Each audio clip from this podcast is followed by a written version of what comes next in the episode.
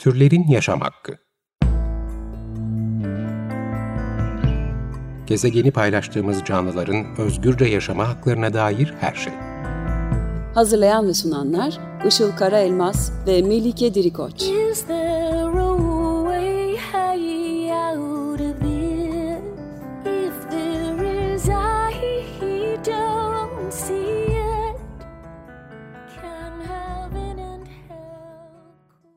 Merhabalar, 95.0 Açık Radyo'da Türlerin Yaşam Hakkı programı başladı. Ben Melike Dirikoç. Ee, bugün yine çok uzun zamandır e, konu ettiğimiz ama bir türlü e, çözümüne ulaşamadığımız yani mantıklı etik çözümlerden bahsediyorum. Bir konudan e, bahsedeceğiz. E, o da bu tütürcü dünya düzeninde e, maalesef hayvanların e, hapsoldukları şehirlerden bir türlü çıkarılamıyor oluşu ve burada e, her seferinde daha fazla acı çekiyor oluşları. Bu konuda konuşmak için e, bir konuğum var. E, Hayvanlar Adalet Derneği'nden aktivist ve avukat Barış Karlı bizimle. Barış hoş geldin. Teşekkürler katıldığın için. Hoş bulduk. Merhaba. Ben de davet için teşekkür ederim.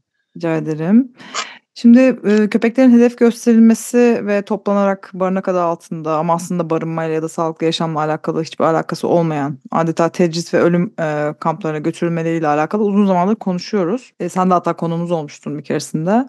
E, yine benzer bir konu için E, ve bu durum maalesef hala da devam eden bir mesele. E, adeta böyle toplumu kutuplaştırıp ara ara hortlatılan bir şey haline de geldi. E, en son Ankara Belediye Başkanı Mansur Yavaş'ın işte e, hayvanseverlere saygılı olduğunu ama e, köpek popülasyonunun e, oldukça arttığı için artık e, bununla alakalı e, daha farklı şeyler yapılması gerektiğiyle alakalı bir e, açıklama duyduk. Kendisi aynı zamanda kendi imkanları dışında Türkiye'de ilk defa kısırlaştırma ihalesi aşan belediye olduklarını, 13 klinikle anlaştıklarını söyledi. Fakat işte dişiler kısırlaştırıldığında bir hafta e, müşahede altında kalmaları gerektiğini, erkek olanların hemen bırakabildiğini e, ancak e, bu şekilde bir kısırlaştırma metoduyla da e, bunun önünü almanın yani bu popülasyon artışının önünü almanın imkanı olmadığını iddia etti. E, bir yandan da bu e, raporlarda görüyoruz ki e, kısırlaştırmaya ayrılan bütçeyle e, bu barınak olarak e, adlandırılan aslında ölüm kampı olarak bizlerin nitelendirdiği e,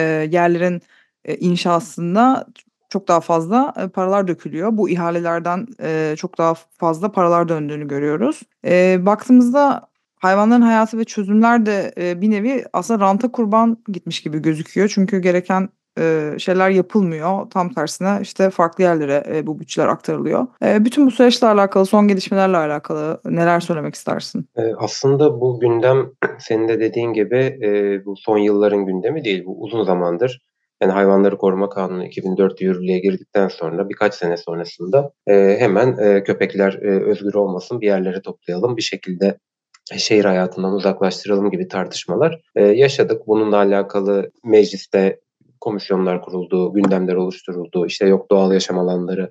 Yani bugünün kav kavramı değil. 2011 yılında da hala konuşuldu konuşulan bir şeydi, e, kavramdı. E, onun dışında yine şehir hayatında olsunlar ama insanların toplu olarak bulundukları yerde olmasınlar gibi seçenekler yine 2014 yılında gündeme geldi, konuşuldu. E, şu an yaşadığımız şeyin farkı, en azından hani bizim gözlemlediğimiz kadarıyla farkı, ilk kez bu devlet kurumlarının bir çabası yanında e, ilginç bir sosyal medya örgütlenmesi var. Yani köpekler aleyhine e, bir hedef gösterme, bir şekilde e, ortak bir hareket var. Bu çok tehlikeli zaten.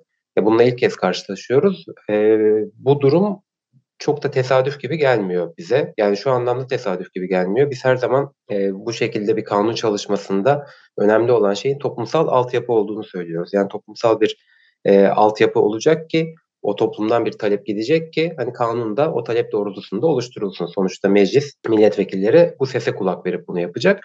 E, biz zaten her zaman köpekler aleyhine girişimleri de e, bu yöntemle ekarte ettik. Hani toplumun bunu istemediğini e, anlatarak, anlatmaya çalışarak ekarte ettik. Ama sanki onlar bu sefer e, böyle bir yerden e, saldırıya geçtiler. Onlar da böyle bir stratejiyle saldırıya geçtiler ve e, bilinçli bir e, köpekler aleyhine örgütlenme yaratıyorlar. Ve maalesef ki son dönemde de e, bir şekilde köpeklerin yanında olan bizlerden daha fazla görünür oldular gibi bir manzara da oldu. Çünkü ulusal medyanın da desteğine e, almış gibiler, sosyal medyada daha örgütlü hareket ediyor gibiler. E, bu da şöyle bir algıya ulaştı. Sanki toplumun büyük kesimi e, köpekleri sokakta istemiyor, köpeklerin özgürlüğünü istemiyor. E, biz o zaman böyle bir şeye mecbur kaldık gibi bir hava yaratmaya çalışıyorlar. İşte bununla mücadele etmek için aslında bizim de asıl durumun tam tersi olduğunu yani toplumla köpek arasında böyle bir problem olmadığını bir birlikte yaşam isteği olduğunu anlatmamız lazım ya da doğrusunun bu olduğunu anlatmamız lazım. E, peki işler bu noktaya e, nasıl geliyor? Daha doğrusu hani böyle bir e, strateji yürütüyorlar ama bu stratejiye bu malzemeyi kim veriyor? Yani neden böyle oldu?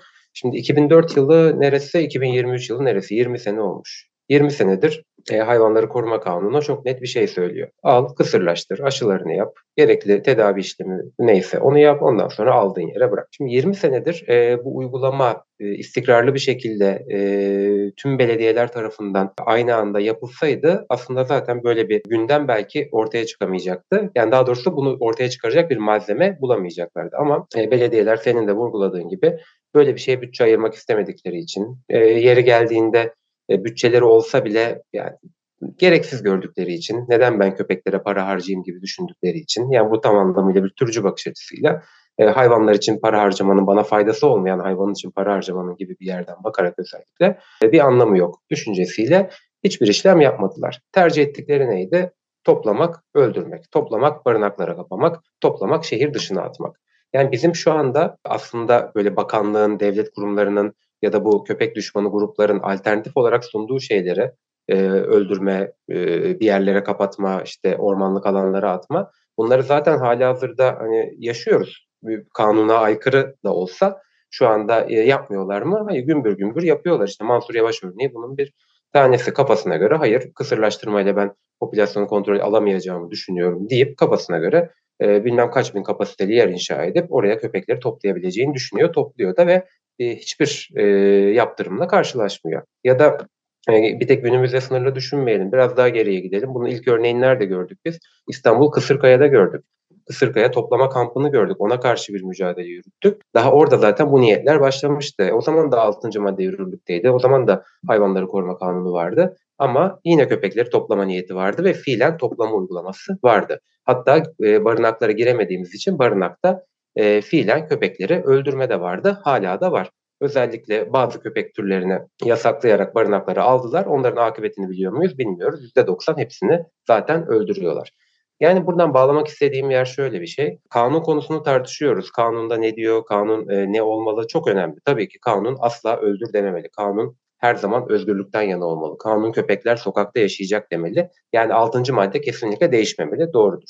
Ama 6. maddeyle sınırlı bir hayvan hakları mücadelesi de daha doğrusu köpekler için bir hak mücadelesi yürütemeyiz. Burada şunu çok iyi oturtmamız gerekiyor.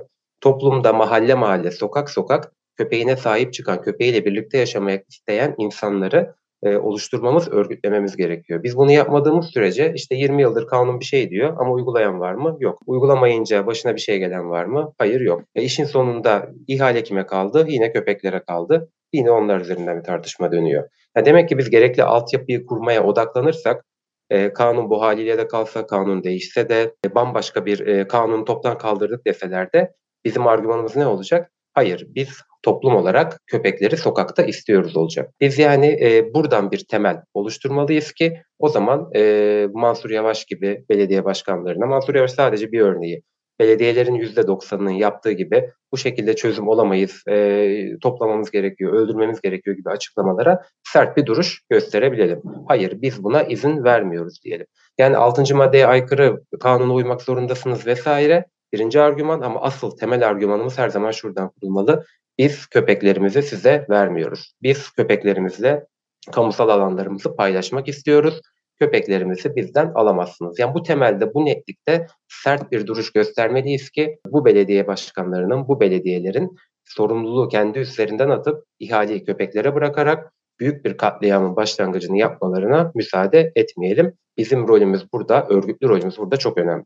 Evet zaten e, yani popülasyondan bahsediliyor ama bu yıllar boyunca belediyelerin kısırlaştırma görevini yapmamasından en çok da kaynaklanıyor ya da e, hayvanların hala üretimhanelerde üretilip satılıyor olmasından kaynaklanıyor. Bir sürü hayvan bu şekilde satın alınıp terk ediliyor ve yani gerçekten ihalenin tekrar onlara kalması e, ve çözümün e, öldürmek olması her ne kadar örtülü olarak bunu hani söyle barınak derken aslında bunun arkasında biz hani oranın barınma olmadığını biliyoruz artık yani bunu herkes de gördü herhalde bu Konya örneğinde başka bir sürü örnekte E, tam tersine oralar ölüm kampları yani bu kadar e, açık. Şimdi bir de bu hani artık örtülü söylemekten öteye geçen de bir e, söylem var. Yani korkunç bir söylem ama tabii türcü bir dünyada yine yaşadığımızı bildiğimiz için aslında bir yandan da maalesef ki hayvanlar hala hukuken bir eşya statüsünde oldukları için aslında onlardan kurtulmak, onları öldürmek yani bu katliamları yapmak da bazılarınca kolay konuşulabilen şeyler oluyor. Şimdi böyle bir uyutmak meselesinden e, böyle bir takım gruplar bahsetmeye başladı. Uyutmak adı altında aslında bahsettikleri şey tabii ki yine köpeklerin öldürülmesi. Yani ötenazi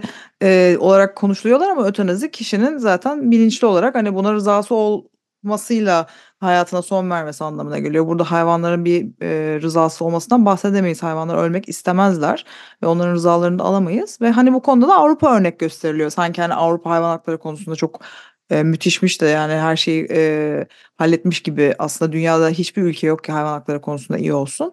E, ben hatta yani böyle bir söylemi e, geçtiğimiz günlerde bir Twitter e, odasında e, konuşulduğunu gördüm. Açıkça işte devlete e, en e, yük bindirmeyen e, bu tarz bir öldürme metodu nasıl olmalıdır e, diye konuşuyorlardı bu e, e, hayvan düşmanı diyeyim e, gruplardan kimseler. E, bu konuda neler söylemek istersin? Artık yani bunu da normalleştirmeye çalışıyorlar sanırım. Yani e, hayvanları yok etmek için açıkça metotlardan ve yöntemlerden konuşuyorlar. Kesinlikle senin dediğin çok doğru zaten. Onların hani barınak diye bir tanımlama yapması ya da direkt olarak işte öldürme demesi ya da kendilerince uyutma diyerek bir öldürmeden bahsetmesi. Yani onların temel amacı zaten bir şekilde köpeklerden kurtulmak. Yani onlar bir doğal yaşam alanı, barınak vesaire deyince de oraya alıp köpeklere hayatlarının sonuna kadar bakacağız gibi bir şeyle yapmıyorlar. Onu rahatlığıyla zaten. Biz oraya alırız, orada içeride işi hallederiz. Çünkü kapalı kapılar ardında bu kadar görünür olmayacak. Biz de kafamıza göre hareket edeceğiz. E, demin söylediğim o e, yasaklanan, tehlikeli olduğu iddia edilen köpek türleriyle alakalı yaptıklarını tüm genele yaymak istiyorlar. Bütün köpeklere yapmak istiyorlar. E, ve bu öldürme konusunu hani artık kapalı kapılar ardında yapalım noktasından çıkartıp çok daha cesur bir şekilde dediğin gibi öldürme yöntemleri tartışmasına çevirdiler. Yok şu şekilde öldürelim, şu şekilde öldürürsek daha ucuz olur. Ee, şöyle yöntemle öldürürsek daha e, yok az acı veririz, yok çok acı veririz. Yani bu toplumsal bir sorun aslında. Yani öldürmenin bu kadar rahat konuşulması, öldürmenin bu kadar normalleştirilmesi, insanların köpekleri öldürmeye, hayvanları öldürmeye bu kadar e, teşvik edilmesi ve bunun böyle rahat normal bir şeymiş gibi dillendirilmesi toplumsal bir sorun ve hepimiz için toplumsal bir tehdit aslında. Yani oraya çıkıp e, öldürme yöntemi tartışan bir insanla aynı toplumda yaşamak her birey için büyük bir tehdit noktasına geldi. E, bu işin hani en mağdur nok- kısım şeyi e, bireyi tabii ki köpekler ama işin sonunda bu e, hepimiz için tehlikeli bir noktaya geldi. Yani burada zaten e, örnek vesaire tartışması e, asla kabul edilebilir bir tartışma değil. Hani Avrupa veya Amerika veya başka bir ülke onların ne yaptığının çok bizim açımızdan da önemi yok. E, kendi e, kültürel durumumuz üzerinden bir değerlendirme yapıyoruz ve e, yüzyıllardır süren bir birlikte yaşamdan bahsediyoruz ve e, bu birlikte yaşama e, yıllar içinde işte hayırsız adı en meşhuru bu şekilde sert müdahalelere rağmen insanların direnişiyle bugünlere kadar bu birlikte yaşamı sürdürebilmiş bir toplumdan bahsediyoruz. Sürdürebilmiş bir e, kültürel temelden bahsediyoruz. Şimdi gelip bunu şurada şöyle yapmışlar gibi bir şeyle yıkabileceklerini düşünmeleri çok da e, gerçekçi değil zaten. Yani biraz şey çabası da var zaten. E, gündem yaratıp bizi demoralize etme ve bizim mücadelemizi e, kaybettik zaten deyip bitirmemize e, doğru yönlendirme. Böyle bir çabanın olduğunu da düşünüyoruz. Şu anda e, bunlardan etkilenmeden eskiden yaptığımız gibi e, örneğin 2018 yılında yine bir bürokrat çıktı ne dedi? Sokakta köpek mi olur? Biz bu işi bitireceğiz gibi bir açıklama yaptı. Hepimizin hani e, hayvan hakları savunucuların, çeşitli örgütlerden savunucuların önünde toplantıda söyledi. E, onun üzerine ne oldu? Sert bir eylem yapıldı ve geri püskürtüldü. Üstüne Meclis Araştırma Komisyonu kuruldu. O bir rapor hazırladı. Kısırlaştırma tek, tek çözüm dedi. Yani demek ki biz direnişle, demek ki biz toplumsal tepkiyle, güzel bir tepkiyle bunları kırabiliyoruz. O yüzden şu anda da e, bu gücümüzü hatırlayarak hiçbir zaman e, umutsuzluğa düşmeyerek aynı tepkileri vermemiz gerekiyor. Özellikle örneğin bu şekilde öldürme e, kısımlarından bahseden köpeklere yönelik artık hedef gösterme kısmını e, aşıp direkt hani bunu eyleme dökecek şekilde e, açıklamalar yapan, bundan rahatlıkla bahseden insanları onlar bize nasıl e, bir yıldırma politikası gidiyorsa bizim de onlara karşı bunu yapmamız lazım. Nasıl yapacağız bunu? Biz tabii ki e, kendi mücadelemizde hukuk çerçevesinde. Nedir hukuk çerçevesi? Bu hangi mesleği icra eden kişi yapıyorsa bunu veteriner hekim e, olarak duyduğumuz biri en son mesela gündeme geldi. E, o meslek odasına şikayet, suç duyurusu yapmak. Bunun gibi şeylerle biz onu yıpratacağız. Ama bu tabii ki iki kişinin, üç kişinin yapmasıyla değil. Yani bizim örgütlenmemizden kastımızda demek istediğimiz şey her zaman bu zaten. Ee, 1 milyon kişiysek bir milyon tane, iki milyonsak iki milyon tane. Kim yapabiliyorsa o kadar. Bu şekilde tepkilerle bizim onlara sert bir cevap vermemiz gerekiyor. Ee, bunu artık hani e, konuşamayacakları bir nokta yaratmamız gerekiyor. Ben böyle bir laf edersem bak böyle bir tepki alıyorum. Ama biz meydanı bu kadar boş bırakırsak hani o e, bir şey söylediğinde böyle 3-5 insandan tepki gelip sonra e, gündem unutulur giderse o zaman cesaretleniyorlar ve daha fazla söylüyorlar. Yani burada mücadele artık e, öyle bir döneme girdik. Hayatımızın her anında, her yerinde e, olması gerekiyor. Artık en ufak şeyde önceliğimiz köpekler için bu adımı atmak olmalı. Onlar çünkü bir şekilde böyle bir şeye evirmiş durumdalar. Belki e, planlı bir örgütlenme olduğu için işleri güçleri bu olmuş gibi saldırıya geçiyorlar. Biz de aynı şekilde köpekler için biraz daha odaklanmalı ve biraz daha örgütlenerek tepkileri vermeliyiz. Bu kadar cesaretlenmelerinin sebebi gerçekten e, bizim birazcık şeyi e, kendi içimizdeki o güçlü duruşu kaybetmeye başlamamız oluyor. Ve bunu yıkmak da elimizde. Eskiden yaptıklarımızı biliyoruz. Birçok saldırıya ekarte ettiğimiz gibi şu anda da e, bunu ekarte edebilecek güçteyiz. Bu anlamda e, birbirimize aslında bir şeyleri anlatmak da çok değerli. Örneğin birbirimizin mücadelesinden öğreneceğimiz çok şey var. Özellikle üniversitelerde, özellikle liselerde öğrencilerle yapılan çalışmalar çok değerli. Onları fark ettirmek çok değerli. Onların da tepki vermesini yani toplumun geneline bu tepkiyi yayabilmek çok önemli. Çünkü e, bu birlikte yaşam hepimizin birlikte yaşamı. Bu mücadele hepimizin mücadelesi. Bu öldürme iddiaları, öldürme beyanları, bu şekilde argümanlar hepimize karşı argümanlar.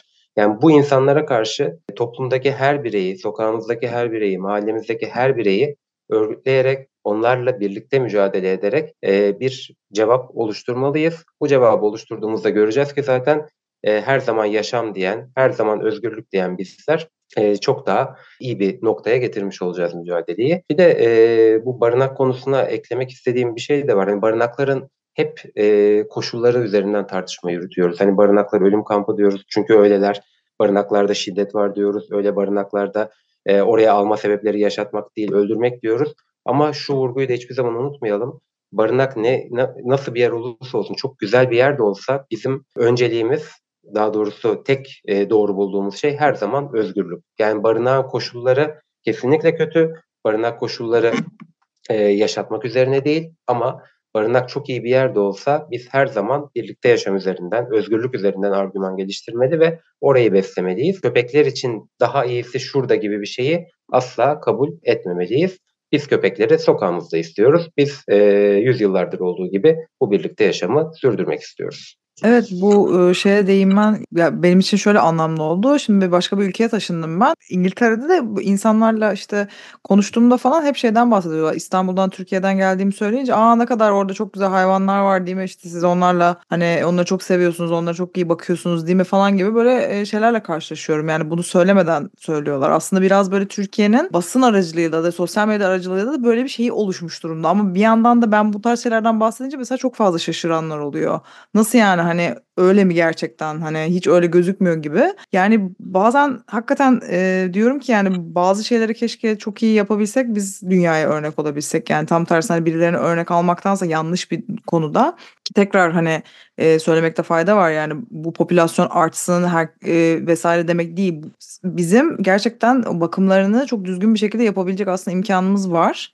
Ama bu yapılmıyor. Yani birçok şey göz ardı ediliyor ve e, çok daha iyisini yapabilecekken biz yapamıyor duruma düşüyoruz. Tam tersine e, geçmişte de senin de bahsetmiş olduğun gibi e, bir sürü girişim gibi aslında yok etme girişimi gibi tekrar e, tarih boyunca tekrarlanan ama e, hüsranla e, sonuçlanan e, durumlarda kalıyoruz ve gerçekten e, yine şunu da çok önemli buluyorum söylediğin şeyi. Yani hayvanların ya da hani masum kimselerin çünkü köpekler ya da hayvanlar gerçekten e, bizim onları yönlendirmemizde bir şeyler yapıyorlar. Yani şiddet gören hayvanlar ve şiddet görmeyen hayvanlar iki farklı sonuç oluyor. Nasıl çocuklar gibi aslında bir yandan da. Yani bu sorumlulukları almayıp gerçekten e, o, e, şeyi faturayı onlara kesmek ve daha sonrasında da e, onlara böyle bir sonla karşı karşıya bırakmak bizi nasıl bir topluma dönüştürecek bunu da çok iyi irdelememizi, düşünmemiz gerekiyor bence. Yani herkesin düşünmesi gerekiyor. E son olarak yani biraz bahsettim belki ama e, hani detaylandıracak olursak e, çözümlerden e, bahsedersek e, etik ve yapıcı çözümler neler olabilir? Şu söylediğin çok önemli bir noktaydı.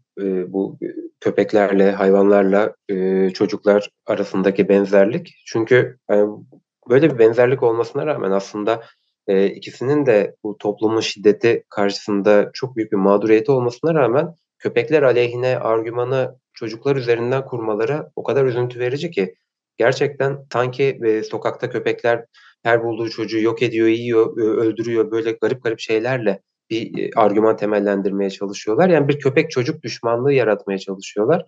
Aslında e, şunu hepimiz görüyoruz.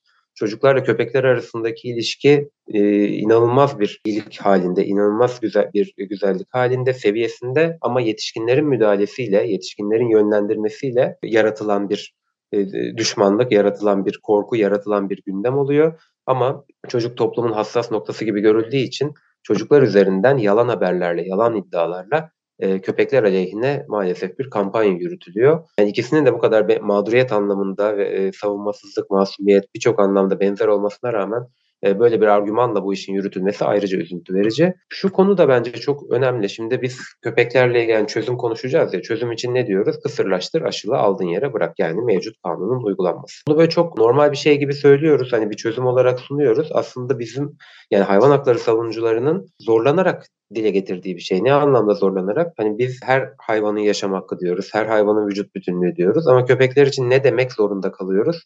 Kısırlaştır demek zorunda kalıyoruz. Aslında vücut bütünlüğü anlamında bir e, ihlal bu ama biz bunu demeye mecbur kalıyoruz. Niye? Bu birlikte yaşam sürsün, bu köpeğe, köpek aleyhine olan insanlar, köpek düşmanı insanların sesi kesilsin e, ve köpekler için sorunsuz ve kolay bir yaşam olsun diye. Yani onların elinde onlar tarafından gelecek şeylerle e, büyük bir sorun yaşayacaklarına en azından e, böyle bir anlamda daha fazla sayıları artmasın gibi bir şey söylemeye bizi mecbur bırakıyorlar. Biz böyle bir adım atmışken Ha, bu da yetmiyor. Hala ne diyorlar? Ee, yok köpeklerin bu kısırlaştırsak bile yani bir tane olsa bile, iki tane olsa bile, üç tane olsa bile, sayıları az bile olsa sokakta olmayacak diyorlar. E biz de tabii ki artık bu noktada e, buna net bir karşı duruş göstereceğiz. Çünkü kısırlaştırma gerçekten bir çözümdür. Kısırlaştırma yaparak çözen yerler yok mu? Bu örnekler üzerinden çok rahat bir durum gözlemlemesi yapabiliriz. Örnek olarak söyleyebilirim e, Adalar ilçesinde. Adalar ilçesinde belediye gerçekten hiçbir şey yapmıyor. Belediye yine dünyanın en kötü belediyelerinden biri hayvanlar anlamında. E, ama gönüllülerin çok iyi bir örgütlenmesi var. Gönüllülerin örgütlenmesi sayesinde her köpek kısırlaştırılmış durumda. Dışarıdan ada olduğu için orası köpek girişi çıkışı vesaire öyle başka belediyenin atması gibi olaylar da yaşanmıyor. Ve şu anda adalarda hiçbir sorun yaşanmıyor köpeklerle insanlar gayet güzel bir birlikte yaşam sürdürebiliyor. E diğer taraftan yine e, çeşitli yerlerden e, en son e, Kars'tan Susuz ilçesinden bir e, belediye başkanının açıklaması çıkmıştı. Ya da yine İstanbul'un çeşitli ilçelerinden e, Üsküdar'dan Kadıköy'den böyle bir, bir e, düzgün bir birlikte yaşam kurulduğu örnekleri görebiliyoruz. Demek ki bunlar yapıldığında e, gerçekten bir çözüm olarak karşımıza çıkıyor. Şişli Belediyesi ile bir görüşmemizde Şişli Belediyesi'ndeki veteriner işleri birimi önemli bir şey söylemişti. Biz evet kendi ilçemizde aslında e, sorun, diye bir şey yok bizde dedi. Biz kaç köpeğimiz olduğunu biliyoruz. O köpekleri takip edebiliyoruz. Kısırlaştırmasını yapıyoruz. Tedavilerin aşılarını yapıyoruz. Ama yan ilçe gelip benim e, bulunduğum ilçeye köpek atarsa ne oluyor? Bütün denge şaşıyor. O zaman çözüm deyince Türkiye'nin her yerinde tüm belediyeler hayvanları koruma kanununun 6. maddesinin dediğini yapmaya başlarsa, aynı anda yapmaya başlarsa gerçekten köpekler için hastane formatında bir geçici hayvan bakım evi kurarsa, bunu şeffaf bir şekilde kurarsa, düzgün hijyenik sağlık koşullarına uygun bir şekilde işletirse, e, kısırlaştırmasını yaparsa, aşılarını yaparsa, aldığı yere bırakırsa ve sahada milyonlarca gönüllünün desteğini de arkasına alırsa gerçekten zaten sorun diye bir şey konuşmayacağız. Şu anda bizim gözümüzde e, köpek sorunu diye bir şey zaten yok. Bizim gözümüzde insanların köpeklere yarattığı sorunlar var. Köpekleri e, rahat bırakıp sadece onların iyiliği için ne yapabiliriz şeklinde bir e, yaklaşımla e, bu birlikte yaşamı çok rahat kurabiliriz. Şu anda haberleri geliyor. Bakanlıklar çalışma yapıyormuş. Yok öldürme üzerine çalışma, yok doğal yaşam alanı üzerine çalışma. Bu şekilde çalışmaların hiçbirini kabul etmeyeceğimizi zaten biz peşinen söylüyoruz. bizim gözümüzde köpekler için tek bir çözüm vardır. O da sokakta birlikte yaşamdır ve sokakta birlikte yaşamın tek yolu da e, kısırlaştırma ve aldığı yere bırakma yani sokaktaki yaşamı sürdürme üzerinedir. Bu anlamdaki çalışmaların hepsinde biz hayvan hakları savunucuları olarak e, var olmaya, işbirliği yapmaya da hazırız ama köpekleri öldürmeye, köpeklerin özgürlüklerini elinden almaya, köpekleri yok etmeye yönelik her çalışmanın da karşısında olacağımızı şimdiden daha ortaya bir somut bir çalışma çıkmadan söylüyoruz. Biz 20 yıldır özgürlük diyoruz, 20 yıldır yaşam hakkı diyoruz. Bunu demeye, demeye de devam edeceğiz ve e, hayvan hakları mücadelesinin e, hiçbir zaman bir kanunla başlamadığını da onlara yine hatırlatmak isteriz.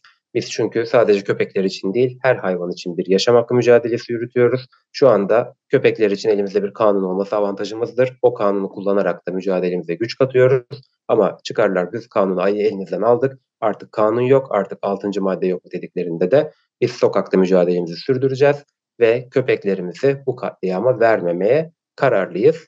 Köpeklerimizin özgürlüklerinin ve yaşamının her zaman yanındayız. O yüzden onları da e, toplumun bu birlikte yaşam isteğine kulak vermeye ve bu yönde köpeklerin hayatını kolaylaştıracak adımlar atmaya davet ediyoruz. Evet, e, ben de katılıyorum dediklerine. Bu bağlamda da programı kapatmadan konumuzla alakalı bir e, anonsumuz var. E, bize ulaşan bir açık radyo dinleyicimiz ve destekçimizden gelen bir rica oldu. E, kendisinin ikamet ettiği bölgede e, bakmış olduğu iki tane köpek şikayetler üzerine geçici e, tırnak içinde barınağa alınmış. Köpeklerden bir tanesinin akıbeti şu an e, daha belirsiz ama bir diğeri için yuva bulmak istiyor dinleyicimiz. Köpek e, şu anda e, Zeytinburnu sahipsiz hayvan hayvan geçici bakım evindeymiş. E, adı kuyruksuz. Eğer bir yuvası olursa oradan çıkabilecekmiş ve hani sonu belli olmayan e, bir hayata doğru gitmektense böyle bir yuva arayışı var. Eğer yuva olmak isteyen, yardımcı olmak isteyen, kuyruksuzun ailesi olmak isteyen kimse olursa biz de buradan bu duyuruyu yapmış olalım. Bu konuda yardımcı olmak isteyenler ya da bilgi almak isteyenler bize Instagram hesabımızdan ulaşabilirler. Turlerin Yaşam Hakkı, Yasam Hakkı Instagram hesabımız ya da turlerinyasamhakkı@gmail.com'a mail atabilirler diyerek kapatalım. Bugün konuğumuz avukat ve aktivist Barış Karlı'ydı Hayvanlara Adalet Derneği'nden. Barış çok teşekkürler geldiğin için, paylaşımların için tekrardan. Ben çok teşekkür ederim. 95.0 Açık Radyo'da Türlerin Yaşam Hakkını dinlediniz. İki hafta sonra çarşamba günü yine aynı saatte görüşmek üzere. Hoşçakalın.